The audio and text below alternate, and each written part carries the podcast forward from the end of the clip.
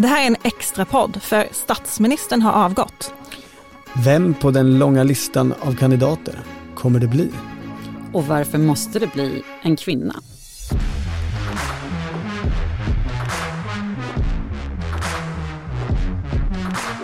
Det här är Politiken med Maggie Strömberg, Anne Reuterskiöld och Torbjörn Nilsson. Sist vi spelade in den här podden före sommaren så hade ju Stefan Löfven precis tillträtt som statsminister och nu har han avgått igen. Just det. Eh, Annie Reuterskiöld, du har sedan dess också blivit Svenska Dagbladets nya politiska analytiker. Mm, Och det var din första vecka på jobbet den här veckan. precis, så var det.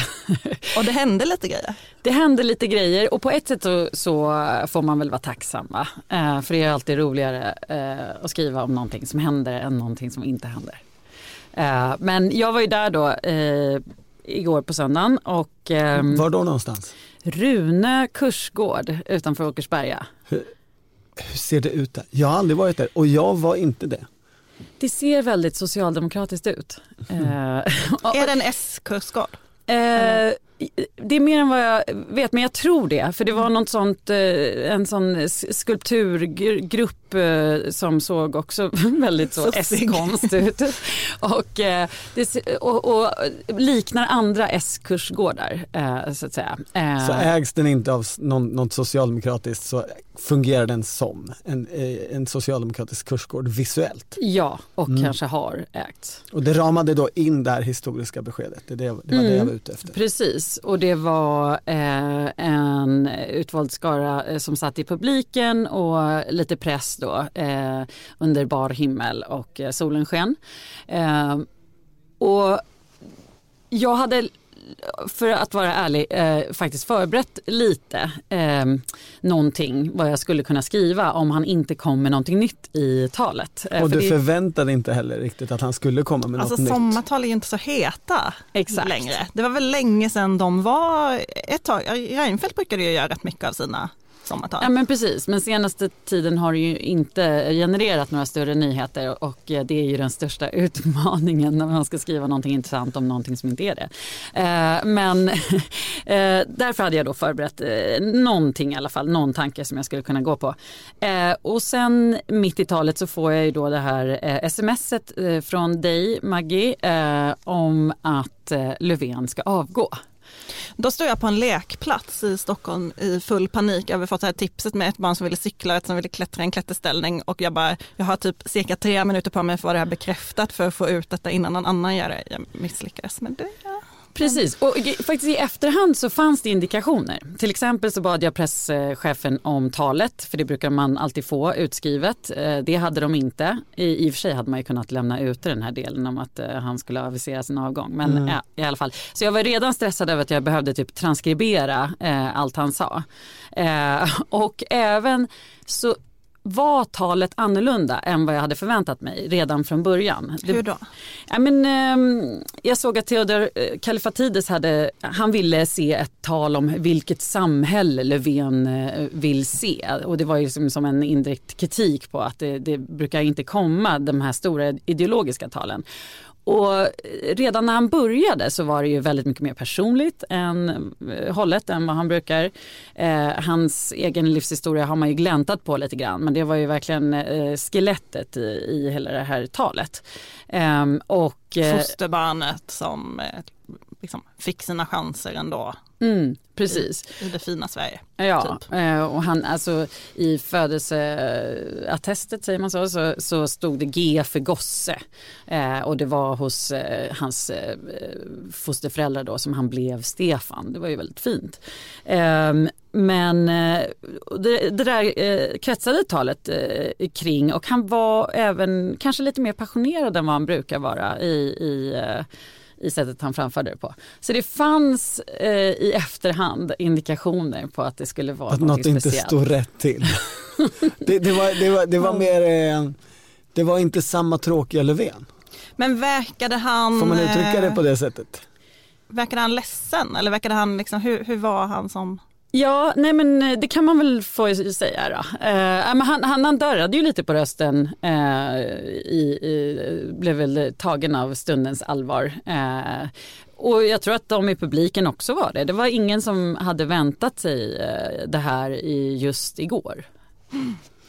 Var, varför sker det här just nu då? För precis som du säger, det var ju, eh, han har ju flera gånger sagt både på interna möten och i många intervjuer att han vill sitta kvar över valet. Det mm. har ju mm. varit det tydliga budskapet. Det har ju till och med varit tider när det har varit eh, kritik mot honom där folk har velat att han ska avgå och då har han väldigt tydligt själv satt ner foten och sagt liksom, jag vill vara kvar då får ni tvinga bort mig i princip. Ja precis och det här löftet att han avgår om de inte får igenom budgeten. Ja. Har väl också verkligen spett på den känslan att, eh, att om de får igenom budgeten så sitter han kvar. Så varför händer det nu? Torbjörn Nilsson? Jag har inga bra svar på den frågan för jag eh, har ju prognostiserat hans avgång redan hösten 2019 med, med orden att nu är Stefan Löfvens politiska projekt färdigt. Eh, och det står jag nog fast vid också idag. Hans politiska projekt var ju klart i och med januariavtalet och att det sattes på plats. Splittringen av alliansen? Splittringen av alliansen, eh, byggandet av en koalition över den gamla blockgränsen. Det var ju liksom det som fanns av, av politiskt projekt parallellt med hålla fred i partiet. Det var ju flera när man prat, ringde runt i, i partiet igår, eh, personer ganska nära Stefan Löfven som ändå framhöll den här regeringskrisen före sommaren som ett skäl att han eh, nog ledsnade mm. då. Det, det, vet jag inte om, alltså, det kan ju vara en sak man vill säga också för att man tycker att det gynnar saken på något sätt. Att, att uh, lite lägga skulden på Vänsterpartiet för det, jag vet mm. inte. Men, men det fanns ändå ett sånt, uh, det finns ju en sån tanke i partiet att det spelade mm. in. Att han inte tyckte att det var kul längre. Han tyckte det där var tramsigt. Han ville inte vara med längre efter det. Ja, men jag, jag tror att det, alltså det finns ju flera saker att eh, ha i åtanke här. Dels en sak som eh, socialdemokrater alltid har sagt när man ringer och frågar om det här är ju att han kommer gå när han vill. Mm. Det är ingen som kommer avsätta Stefan Löfven och det tror jag att vi kan liksom stryka eh, att, att det har funnits någon, någon press på honom att gå just nu. Eh, och, och, då spelar nog säkert eh, regeringskrisen eh, i, i somras in, eh, tror jag.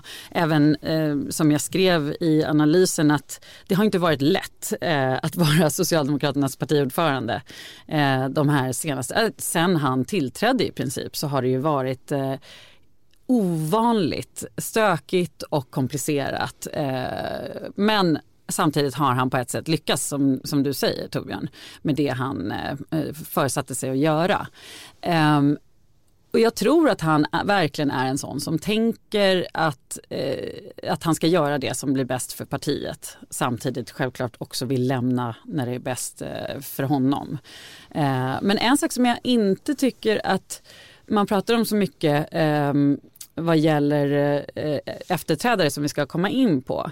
Men jag tror att en sak som eh, också kan ha spelat in är ju då att han inte tror, eventuellt då, att han kan vinna valet åt efterträdaren. Eller i alla fall osäker på det. Mm. Och att han tror att en kvinnlig kandidat skulle kunna eh, ha ett, ett, mycket bättre möjlighet. Mm. Ja, för om man ska säga något om stämningen i partiet igår när man ringde runt så var det ju tydligt att även de som tycker väldigt mycket om Stefan Löfven och tycker att han har varit en bra ledare för partiet var ganska lättade. Ehm, man, det var nog många som ändå tyckte att det skulle bli väldigt svårt för honom att genomföra ett tredje val där det ändå kommer hela tiden ligga en berättelse av att han ska avgå efter valet. Ehm. Det där är spännande för en, en gammal sanning är ju att det är svårt att lansera en ny person så nära ett val. Och det kan bli problem om man inte enas ordentligt när det är så kort tid till ett val. Det finns ju inte alls röster om i partiet. Utan där finns det ju, vad skönt. Mm. faktiskt. Alltså suckar av, av, lättnad som Maggie säger. Också för att som Annie säger, ingen, ingen skulle tvinga bort honom. Det skulle inte bli en kupp. Utan skulle, hade han velat sitta kvar han fått ja, och nu det. kan vi göra något nytt liksom. Men det, det är ju ingen det, okänd heller som i alla fall han tänker sig. Nej men det, man kan ju också konstatera att det som har funnits kvarlevande sedan Salin och Juholt eh, svårigheterna egentligen ända sedan alltså Göran Persson eh, är ju en sägning om lämna inte partiet ledarlöst i opposition. Och på det här sättet att meddela avgång nu och att gå i höst så gör han ju verkligen sitt bästa för att se till att det rådande etablissemanget kan behålla sitt grepp om partiet. Absolut. Några av de få kritiska röster som har funnits har ju också handlat om att det finns för få kritiska röster. Alltså det kan ju han eh, på något sätt segla på nu men, men det hade inte varit lika lätt efter en valförlust. Nej. Samtidigt kan man ju säga att Göran Persson fick ju kritik eh, som partiledare för att han inte släppte fram folk under sig för att det var inte så tydligt när han avgick vem som skulle kunna ta över på samma sätt. Löfven har ju ändå byggt många personer, släppt fram många personer, låtit dem ta väldigt stort medieutrymme, eh, egentligen låtit dem agera väldigt fritt politiskt och ibland ganska splittrat mellan departement och sådär. Eh, så det, det, är också det som gör att det nu finns en lång lista mm. efterträdare, mm. eller möjliga efterträdare. Mm. Men den här vänsterrörelsen som ändå har bubblat eh, ja, under året eh, framförallt och med reformisterna och eh, alla förslag som kommer in nu till kongressen.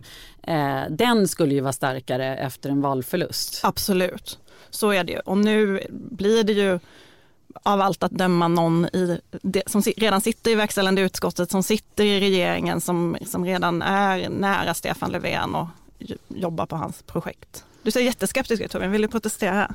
Nej, jag ville, jag ville dra listan. Ja, men vet du vad? Men, men eh, får jag bara eh, testa den här grejen som har varit i svang, Ulla. Att det är Ulla ja. som vill ha hem honom. Vad tror ja. ni om den teorin? Det har ju pratats väldigt länge om det. Alltså det, det snacket har ju funnits länge. Ulla är ju Stefan Löfvens fru eh, som eh, då sägs vara sugen på lite pensionärstillvaro. Eh, han jobbar ju väldigt mycket och väldigt tidigt på morgonen har man hört. Eh, det, kan väl, det, det, låter väl helt troligt, vem är inte sugen på pensionärstillvaro? Men, men eh, jag tänker att eh, det som ligger fram, alltså det är ju också så här om man blickar framåt så har man då en politisk höst men budgetprocessen kommer vara stökig, den kommer man ju ändå behöva leda. Sen då ett möjligt extraval som ju troligtvis inte blir av, men det hotet finns ju också. Sen en valrörelse, sen en regeringsbildning. Det är ju inte Alltså man kan ju se ljuset 2023. Mm, det är inte en drink i, på balkongen i Malaga. Nej, och nu valde han kanske den istället. Jag har ju vid flera tillfällen i den här podden eh, sagt att Ulle är ju Stefan Löfvens bästa vapen och eh, landets kanske mest inflytelserika politiker. Och jag vidhåller det. Eh, jag tror absolut på den där Ulla-teorin. Svår, svår att bevisa utan att höra samtalen mellan Ulla och Stefan Löfven men eh, det, det, det, det faller ju logiskt på alla sätt och vis. Ja. Svenska Dagbladet eh, som vi jobbar på bevakar ju också eh, Stefan Löfvens avgång och eh, valet av ny S-ledare i vår tidning. Och om man vill läsa den så är det bra att vara prenumerant du som lyssnar på Politiken kan få prova vårt digitala premium i två månader utan kostnad. Och då ingår allt på svd.se och i appen och, och, eh, man kan dela med familjen och så vidare. Eh, för att ta del av det erbjudandet så gå in på svd.se politiken. Ja okej, okay. så eh, det mesta pekar mot Magdalena Andersson. Men det är ju ändå så att det finns en valberedning eh, under ledning av Örnsköldsviksbon Elvi Söderström. Eh, vilka möjliga konkurrenter finns det till eh, finansministern? Vilka möjliga konkurrenter har eh, Magdalena Andersson? Det är ju en lång lista men eh, Ardalan Shekarabi till exempel. Vad säger ni om honom? Socialförsäkringsminister. Eh, säger jag. Är, det, är det, ska det betraktas som, ett, som ett liksom, Nej, men, en styrkegrej eller som en svaghet Ja, i men, en, eh, en en, partiledarstrid? eh, en chef eh, på tidningen Hannes Delling som tidigare var politikreporter sa i morse att de gjorde en enkät bland kommunalråden för några år sedan om efterträdare och att eh, Ardalan Shekarabi då fick, hade oväntat starkt stöd. Det var ju när han var civilminister och eh, reste runt jättemycket i landet. Det har ju det som sägs ligger, liksom, vara negativt för Ardalan Shekarabi är att han vill bli partiledare så himla mycket. Samtidigt har han själv aldrig sagt det, men många andra säger ofta det om Ardalan. Ja, men det har varit som ett team runt honom som gärna har velat prata om det. Eh, Men har det det? Alltså det här tycker Jag jag, det, det mest, exakt jag har hört, det mest spännande i, i partiledarstrider är ju vem lyckas säga att någon annan vill väldigt mycket? För det är ju i inledningsskedet det sämsta man kan ha på sig. Att man vill och att någon krets jobbar för en. Det var därför Mikael Damberg var så otroligt eh, obekväm med eh, allting, eh, allt snack runt honom som kronprinsen. Ja, och jag har, men jag kan göra fel här, att jag inte har pratat med rätt personer, men jag har aldrig hört någon som tycker om Ardalan Shekarabi väldigt mycket eller jobbar nära honom eller ingår i hans lojalitetskrets säga det borde bli Ardlan och Ardlan vill väldigt gärna. Jag har bara hört potentiella konkurrenter och deras vänner säga Ardalan vill väldigt gärna. Sen har han ju skrivit en del saker som visar att han tänker lite fritt. Det här stora Facebook-inlägget för några år sedan till Han exempel. skrev ju också i Tiden, socialdemokratiska tidskriften, om pensionsfrågan och varför det bör bli Socialdemokraternas nya stora projekt på ett sätt som också lät Jo. Han tog mer som en mot SD i förra valkampanjen. På Absolut. Ett sätt som, Men Precis. det är ju det är också jag- paradoxalt om, vadå blir man partiledarkandidat för att man vill framstå som intellektuell och skriva artiklar? Det är ju jättekonstigt. Det som talar för Ardalan Shekarabi är väl just det som Annie säger, att han, han tog ju fighten mot SD i vinst i välfärdsfrågan i förra valrörelsen och nu gör han samma sak i pensionsfrågan. Många sätter ju sitt hopp till honom som en person som förstår de väljare som har gått till SD, som gör, kan, kan Mm. eh, göra den här Danmarks strategin där man är tuff mot invandring, Och vad snäll talar mot emot honom arbetare. att han är man. Um, och det är ju inte en sån, det, där igen vill jag framhålla att det är inte en, en, ett så här moraliskt ställningstagande i partiet att åh nu måste det bli en kvinna eh, för att det har varit en man förut. Eller ja, på sätt och vis. Men jag tror att det är mycket, mycket mer ett, ett strategiskt eh, val i sånt fall. Att man har Ett valtaktiskt. Ja, att man eh, eh, behöver rädda de eh, LO-kvinnor som finns kvar. Eh, de flesta män, eh, LO-män har gått till SD redan. Man behöver på ett helt annat sätt än eh, förra valet eh, locka fler kvinnor. Och då är, finns det väl inget bättre än att gå fram med en kvinnlig statsministerkandidat och skriva historia. En annan sak som talar emot honom är ju flugorna. Ja, det skulle jag säga också. Okej, Kan men- Sverige ha en statsminister som bär fluga? Det, man kan ju byta, men bortsett från ytan så skulle jag vilja då gå vidare till nästa kandidat. Ehm, eh, Lena Hallengren är ett namn som nämns. Hon är då kvinna. Ehm, tror ni på henne? Hon har ju eh, blivit eh, mycket mer känd eh, i och med coronakrisen och har väl uppfattats göra ett bra jobb av opinionen. Men hon, pågår, hon har ju en pågående cancerbehandling så hälsoskälen talar väl emot skulle jag säga. En annan sak som kanske talar emot som man hör en del säga är ju att hon har ett ganska, ja men ändå ses som en ganska smal politiker, alltså hon har inte den där stora bredden även om hon har min, lång ministererfarenhet. Mm. En sak som talar för är ju att ganska många uppfattar henne som en vanlig, hygglig människa. Alltså ungefär på samma sätt som Stefan Löfven har, har uppfattats av många. Och det är oklart om det egentligen är en fördel eller nackdel. Eh, hur- partiet ser på det efter att ha haft Stefan Löfven i en massa år. Eh, med de fördelar och nackdelar det har varit. Hon har ju en ganska eh, ska man säga, aggressiv framtoning i intervjuer ibland, eller konfrontativ kanske är Mm. mer eh, ett bättre ord.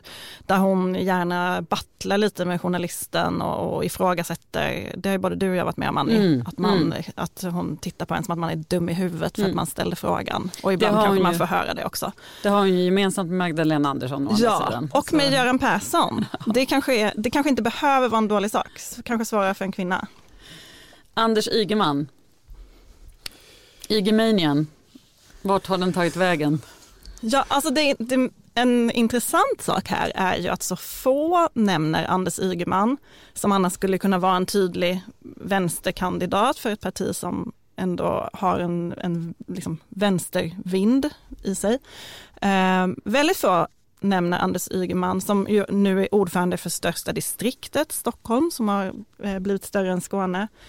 Eh, som ju en gång var helt självklar som efterträdare till Stefan Löfven Mm. eh, sågs som det. Men eh, han har ju dragits med en del mediala skandal, alltså hela, ja, dels Transportstyrelsen, sen har det ju varit de här eh, energifrågorna som jag kan absolut ingenting om, som jag aldrig fattar.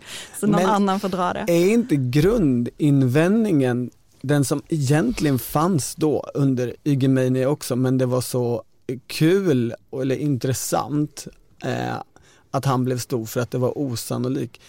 Nämligen att Anders Ygeman är, Ygeman är en mycket spännande och kompetent oppositionspolitiker men saknar gravitas och tyngd av statsman. Det vet jag inte om jag håller med om. Har, alltså, har du lyssnat på Anders? Jag, jag, alltså förutom röstläget. Ja, du sa förutom. Röstläget, det, det är ju, borgar ju för en stor och framgångsrik karriär som reklammakare eh, efter politiken. Han kan göra voice-over på vad som helst. Eh, Nej, men nu har du väl ändå fel. Det var ju just det som var hans framgång under Mm. regering... eh, Rösten. Nej, förlåt, Nej, inte under, bara under rösten, migrationskrisen. Att folk såg honom som den här snälla pappan som tog hand om Sverige. ja, men Alltså- som framförallt eh, behöll fattningen. Va? Att, eh, ja, men hur förklar, om, om, vi, om, vi, om vi köper det som, som en utgångspunkt och sanning, hur förklarar ni då att ingenting av det finns kvar idag? Att jag han menar hade att det var en- flyttats till eh, ett eh, departement som ingen bryr sig om. Jag Att menar Ann att det var en mediaanka alltihopa. Ann Linde jobbar inte för honom längre som hon gjorde då. Ja, Hon sa, sades ju ligga bakom en del av hans självförtroende. Det är en förklaring som jag skulle kunna köpa. Jag tror att det var upplåst från början. Eh, men vi får se, det kan ju bli Anders Ygeman nu så då kommer jag ju få äta upp det här. Men det intressanta med Anders Ygeman, om man ska liksom då placera honom i eh, vänsterfacket så finns det ju också en annan person där som heter Morgan Johansson och som ju är från Skåne.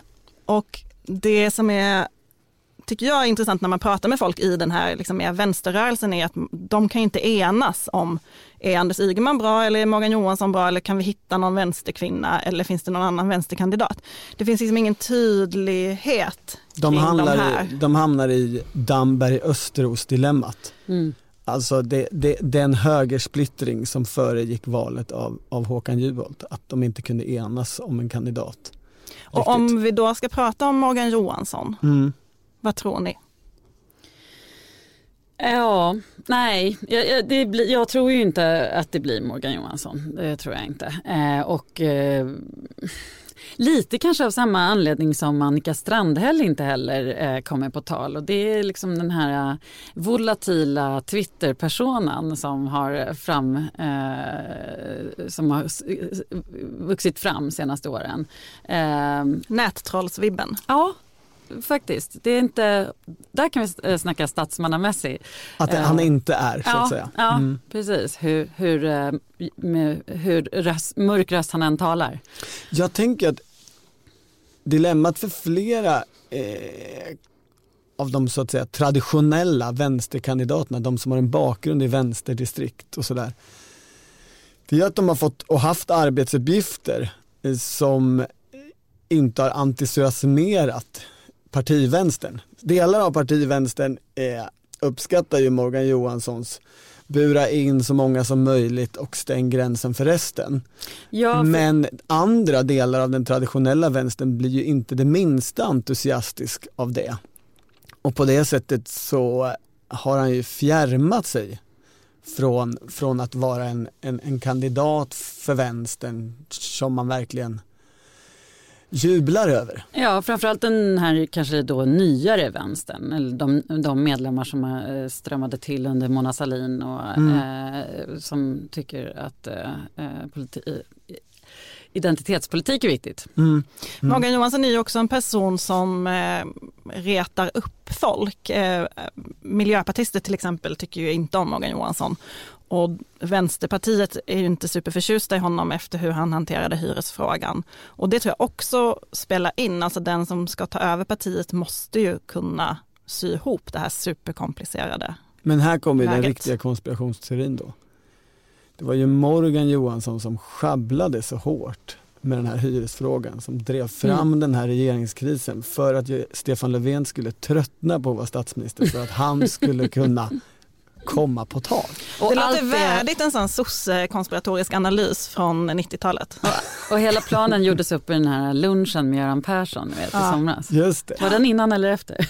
Jag minns inte. Äh, den var väl efter. Okej, Eller sprack det? men en kandidat på andra sidan i de gamla SSU-striderna, visserligen var väl inte just Morgan superaktiv i det, det var väl hans bror mer. Men, men Ja, Mikael Damberg i alla fall, det var Ja. det jag skulle komma till. Ja, men där tyckte jag, jag hörde en intressant sak, eh, om det var Thomas Rönnberg som sa att eh, eh, Mikael Damberg har varit framgångsrik i förhandlingarna med eh, Centerpartiet när Magdalena Andersson inte har varit det. Mm. Alltså, där, det talar ju för honom, eh, det gör det ju. Men eh, ändå så tror jag att eh, kanske lite det här vi pratade om, att han så tidigt blev kronprinsen och talades om, om som kronprinsen. Alltså Eh, nu, även nu, eller i, Mm. det har han väl varit en gång tidigare, alltså Ja, men- när Juholt valdes, eller hur? Ja, men han är ju den Han har ständige. alltid varit Ja. det, Eh, sen och, han föddes. och det är väl det som ligger honom i fatet också. Eh, det känns inte nytt och fräscht. Eh, hur kompetent han än är. Han gillar hiphop. Ja, han gillar... Nej men det finns ju någonting i, det, jag- alltså jag köper jättemycket och det där går ju vända på, alltså för de som tycker att det stora felet med den politiska inriktningen är januariavtal och hur man har förlorat i förhandlingar med Centerpartiet känner ju låg entusiasm inför honom för att det var han som vek ner sig och, och accepterade en massa liberala reformer som man inte tycker om. Samtidigt så hör man ju när man pratar med socialdemokrater att den laddning, den negativa laddning eh, från SSU-år och am, liksom omtalade ambitioner som antingen har funnits eller som kritiker har blåst upp. Den är ju inte alls lika stark som den har varit. Nu uppfattas ju Mikael Damberg av många som en god socialdemokrat som arbetar gott för partiet och, och som Ja. ser till konsensus och helhet och men hans massa största fina problem är saker. väl just brist på laddning kanske. En fördel för honom är ju hans eh, sakområde nu, alltså att, att kriminalitet kommer bli den stora valfrågan och att det är det han har jobbat med. Sen kanske det i och för sig också skulle kunna vara en nackdel om man ser det som att det är han som har misslyckats. Mm. Men i ett parti, och när ett parti pratar internt om det så tänker jag att det är mer en fördel för då argumenterar man den personen kan frågorna och är inläst och, och det är en central fråga för framtiden och så. Och det är en sekundär fråga om huruvida man har vunnit segrar på det området eller inte. Man vill ju hela tiden sticka in här att ja, men det kan ju finansministern också. Det kan ju finansministern också. Eller, men vi kommer dit. Kommer. Men det finns, jag, vill också, jag, jag vill också förstöra upplägget genom att sticka in det här. Mikael Damberg eh, personifierar ju Stockholms län Eh, Ja, ja. på många sätt. Mm. Eh, Magdalena Andersson är ju också från Stockholms län. ja det är hon ju. Och om, alltså tror ni att Mikael Damberg nu kalkylerar med att om Magdalena Andersson blir vald nu till, stats, till partiledare eh, så kommer han inte kunna bli nästa. Alltså för att det kan inte vara två länare efter varandra. Så att det kanske ändå blir en strid mellan Damberg och Magda för att han är så här, det här är min, min chans. Jag, jag, tror inte det för att han känner partiet allt för väl och han vet att eh, det finns ett så starkt stöd för Magdalena Andersson att han inte skulle gå upp eh, emot henne på det sättet. Mm. Um, han är för, nej det skulle också skapa för mycket bråk. Det skulle, ja, det skulle aldrig gå till på han, det sättet. Han, han känns lojal på det sättet ja. också. Um. Det finns ju för många inblandade här möjlighet att tänka på vad ska jag göra om jag inte blir partiledare de närmsta 4, 8, 10 åren. Och säg det till en vänsterinriktad socialdemokrat. Jag testade det på några igår. Magdalena Andersson som statsminister, Mikael Damberg som finansminister. De skrek rakt ut. men vadå, det är bara samma, samma som ja, vanligt. Men, nej, det kan inte vara två eh, liksom, personer i, i den kategorin på de två posterna. Och jag tänker att därför det kanske också så om man ska läsa partivänstern och att de inte verkar då, i alla fall hittills ha enats runt en kan, vänsterkandidat, att de kanske siktar mer på att påverka finansministerposten, den ekonomiska politiken. Det är en, Mycket det är en klok tanke. Mm. Vill ni prata om Peter Hultqvist? Ja. Som finansminister Nej, för vänstern. Som, som det vore ju jättespännande för då skulle liksom hans, de här eh, eh arga vänsterkrönikerna i Dalarnas tidning, eh, eller förlåt, Dalademokraten är det ju förstås, eh, liksom få utlopp. Då, som finansminister så skulle ju hans allmänpolitiska eh, vänstersvinga komma fram. Eh, det här kommer ju inte hända, eh, men det vore ju intressant. Ni tror inte, han har ju ändå också varit en sån som genom åren har nämnts som mm. möjlig efterträdare. Och de här, just de här lite mer debattliknande artiklarna på senaste tiden har ju liksom, ja men, eh, på något sätt viskat om större ambitioner. Men, men det är ju inte... Jag tänker att han aktualiserar åldersfaktorn mm. och den har vi inte pratat om alls. Nästan alla namn vi har nämnt hittills är 70-60-talister. Eh, Peter Hultqvist är ju äldre, han är ju Löfven-generationen. Det spännande är ju att det inte finns något 80-talistnamn utom Ardalan som väl är född 80 kanske. Är han inte född 79? Jag googlar. Ja, men det finns ju ingen från 78. något som skulle vara en riktigt förändrad generationsförflyttning. Nej, i bubblarna finns det ju det. Ja, i bubblarna. Det spelar ju också in om man tittar på startfältet, alltså man, man ska ju ändå på något sätt föra en kamp med både Nooshi Dadgostar och Annie Lööf och också samarbeta med dem. Ja, man rest... kanske, det kanske inte kan kännas för gubbigt. Nej, resten av partiledarkretsen är ju eh, 80-talistisk. Nu för tiden. Nu blir Ulf Kristersson glad. Ja, men, men ska vi dra bubblarna lite snabbt då? Eller för, för, ja. för grejen är ju den att det här är ju då, eh, jag vet inte ens om vi sa det, men det här är väl en del av eh, Stefan Löfvens strategi att lämna nu. Att det blir väldigt svårt för bubblarna att ta över eh, i det här läget. Mm. När man ska lotsa eh, budgeten genom riksdagen eh, med alla de här eh, olika viljorna eh, som ska mötas. Ja det lär ju inte komma in en person som aldrig har varit minister till exempel. Nej. Eller som inte har riksdagserfarenhet. Det... Eller som har haft insyn i budgetarbetet senaste tiden tror jag. Mm. Eh, om jag ska vara ärlig. Men Mm. Nej och det, det är ju till och med så att det begränsar närmast till de som är statsråd eh, och viktiga statsråd idag. Det Andra namn som Aida nämns? Aida Hadzialic som nämns. Uh. Eh, hon har ju uh, ministererfarenhet. Annika Strandhäll också. Annika Strandhäll Ylva också. Johansson. Men de uppfattas ändå stå mycket långt ifrån att kunna gå in och arbeta liksom, kontinuerligt från dag ett. Mm. Aida Hadzialic tror jag verkligen är eh, ett framtidsnamn på det sättet att ända sedan jag hörde hennes namn första gången och det tror jag var när hon hade en eh, ganska obetydlig eh, post i partiet så pratades det om henne som den, en framtida partiledare. Det är liksom en sanning som har funnits i partiet på något sätt att någon gång kommer det ske och det var därför det blev så eh, traumatiskt när den här eh, incidenten på eh, Öresundsbron. Öresundsbron. Mm. Eh, och hon fick avgå. För konspiratoriken så ska man ju komma ihåg att jag älskar den, att du tar på dig den här Den person som satt på andra sidan då. Ja. Alltså, I bilen? Nej, nej, på samtalet efteråt där, där hon sa att jag vill avgå. Hade ju alla möjligheter att säga det tycker jag inte du ska göra, jag tycker du ska ta den här striden. att vinna den. Men det var Stefan Löfven och han är inte typen som gör det förutom med Peter Hultqvist. Nej, och dessutom så försvann ju den här personen bort från Stefan Löfvens regering då och från att vara en konkurrent idag. Det finns ju andra namn som cirkulerar också. Tobias Baudin, Laven Redar, Karl-Petter Thorvaldsson har det ju pratats om för inget av det känns väl supertroligt. Det finns ju en, en person som alla förväntar sig att det ska bli och henne har vi faktiskt inte pratat om. Lite grann bara. Magda, Magdalena Andersson. Ja. jag minns ju när hon inte var politiker under en period jag jobbade på Skatteverket så träffade jag henne på en fest. Och så frågade jag, kommer du någonsin komma tillbaka till politiken? Och då skrattade hon och sa, aldrig någonsin, det här är så skönt och så, så fantastisk tillvaro jag har. Hon har nu ju kan hon bli länge. Sveriges första kvinnliga statsminister. Jag tänker att det måste locka med. Alltså när man har varit, vad har hon varit finansminister i sju år? Det har ju varit ganska tufft för henne också, får man säga. Fällda budgetar, Mm, jobbiga samarbeten. mm.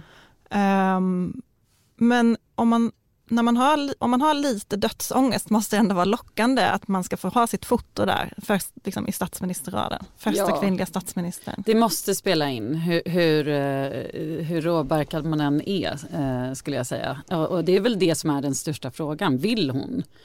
För om hon vill så, eh, just som jag sa, den här listan vi nu har dragit igenom, det är väldigt få saker som hon inte kan konkurrera med.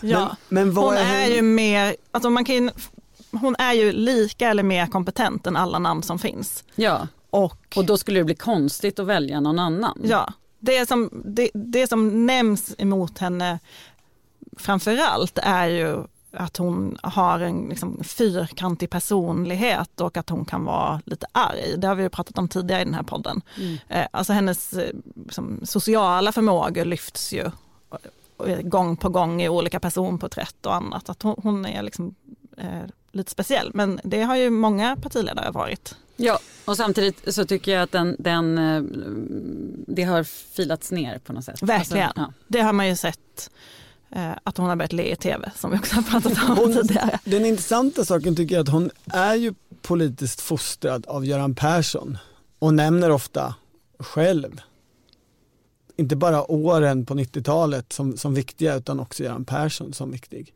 Och han gjorde ju exakt den här resan från finansminister till statsminister. Ja, Från då, kantig till folkkär.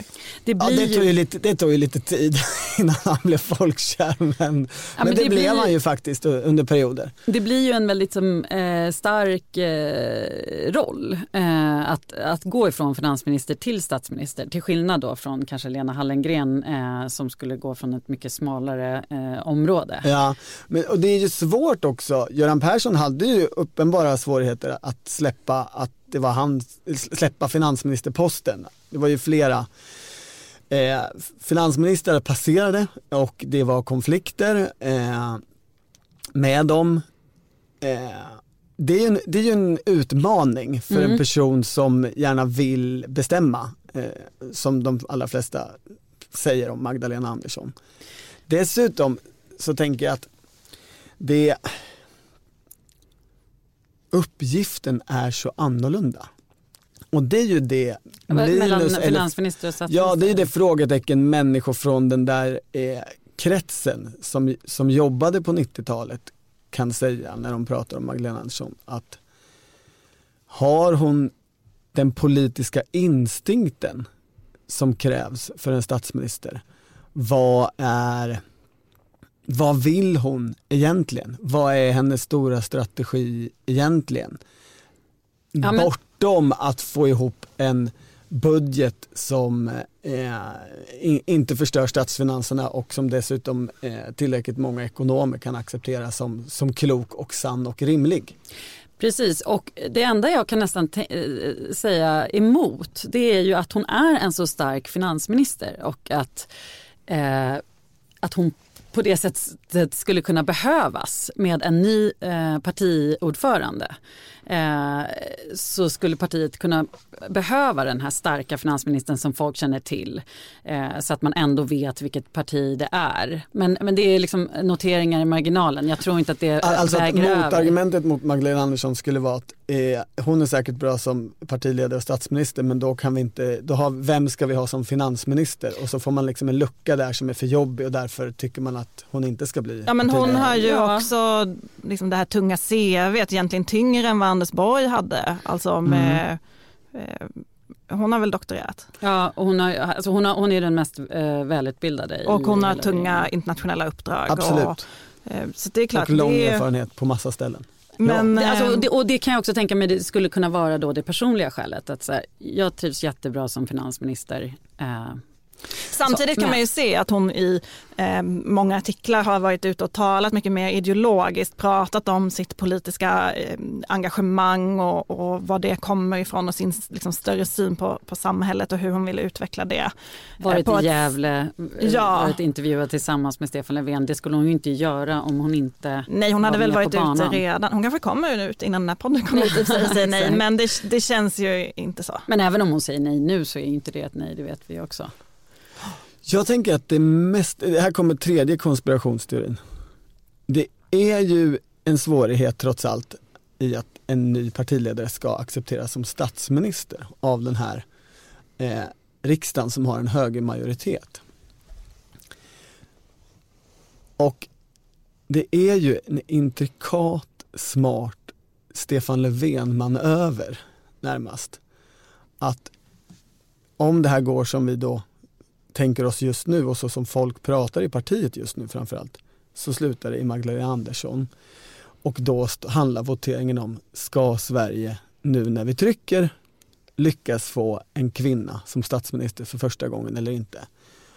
Man kan ju redan nu höra primalskriken inne i det liberala partiet där partiledningen har liksom valt en linje där man ska rösta nej nu. Och så behöver eh, de gamla feministerna i Mm. detta partiet ta det ansvaret att stoppa detta historiska som skulle kunna ske. Det kommer ju splittras och det kommer vara så mycket bråk. Men det där blir ju en faktor också för Vänsterpartiet som kommer få svårare Absolut. att eh, rösta nej till Sveriges första kvinnliga statsminister. Och en, en, en faktor i kampen, den ständiga kampen mot Finland, eller hur? Va? Du, du måste förklara det här. kampen mot Nej, Finland? men vi, ligger ju, eh, vi ligger ju pinsamt mycket efter. De har ju haft en kvinna, en kvinna som statsminister hur länge som helst. Halva Ja. regeringen mer är kvinnor. Vi kan ju inte, det här är ju då inte jag utan jag tänker mig in i, i eh, folksjälen bland de som eh, som ska tycker rösta. så. Mm. Ja. Mm. Ehm, nej, men, men, men, men en sak som jag tycker är intressant, som du pratade om Torbjörn lite grann, det är ju vad vill hon? Eh, och där, där, det finns väl ingenting riktigt säkert svar på det. Eh, men, men som ni tog upp i er artikel så är ju vänsterfalangen skeptiska till eh, den här nya liksom, vänsterimagen hon har ändå eh, fått eh, det senaste året med det här arbetet med eh, skattereform och annat. Mm. Ehm, vad tror ni? Vill hon, vill hon så mycket åt vänster eh, som det har verkat? Ja, men, eh, invändningen tänker jag mot vår artikel, alltså vi skrev ju om hur partiet kanske kommer bli tvunget att gå ner i spagat då, på något sätt genom att välja en, en mer vänsterinriktad ekonomisk politik och en högerinriktad partiledare eftersom det inte finns en tydlig vänsterkandidat. Eh, saken som ofta gäller för partier är ju att det är enklare för en högerkandidat att driva igenom vänsterpolitik och tvärtom. Att det finns en, en, en sån dynamik för Ett Ja, det är Göran enklare- Persson-argument det här. Ja, men det är enklare för Annie Lööf att föra Centerpartiet eh, vänsterut för att alla vet hur liberal hon är. Mm. Spelar det, eh, spelar det någon roll om hon verkligen vill åt vänster när hon antagligen kommer dra åt vänster med den här expensiva budgeten ändå? Förstår ni vad jag menar? Hon, Ja, alltså, det är en rimlig invändning. Och hon sen, kan ju vilja, eh, eh, vad heter det? Hon kan ju vilja eh, ena partiet så att säga eh, Mm. och gå vänsterfalangen till mötes utan att, själv, utan att själv vara övertygad om det i själ och hjärta. Sen, sen framstår ju en hel del av hennes retorik kring det här för, för en del av partivänstern som tomma ord. Och det är, det är väl där det finns en faktor, alltså på det sättet är det ju som att hon har lärt sig en del av Göran Persson. Göran Persson var ju utmärkt skicklig på att ett halvår före ett val låta som en vänsterpartist. Och bli vald med det och samtidigt ha med sig mitten. Han har ju beskrivit detta i en, i en intervju med Göran Eriksson på ett sätt jag nu inte kan citera men som är otroligt pregnant. Eh, där tänker man ju ibland med Magdalena Anderssons vänstersvängar att de påminner mycket om när Göran Persson retoriskt höjde sig till vänster. Får jag säga en grej till som talar? Säg en grej till. Mm.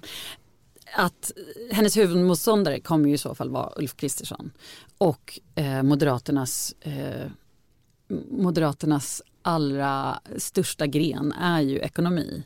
Eh, det är inte heller att eh, förakta i eh, valkampanjen. De två har ju också mötts mycket som ekonomisk, alltså han var ju ekonomisk politisk talesperson, då hade ju de två ofta debatter. De, mm. Man är ju van vid att se dem ihop. Vet ni vad, vi måste sluta, men vi är tillbaka på onsdag. Så det är jättekort tills vi ska få fortsätta prata om det här. Då, det, då tänker jag att då kan vi ju, nu lät det som att allt skulle ske så konfliktfritt och problemfritt. Ja, nej, nej. nej nästa vecka pratar vi om bråken som kommer. På onsdag, det är om två dagar. Vi hörs då.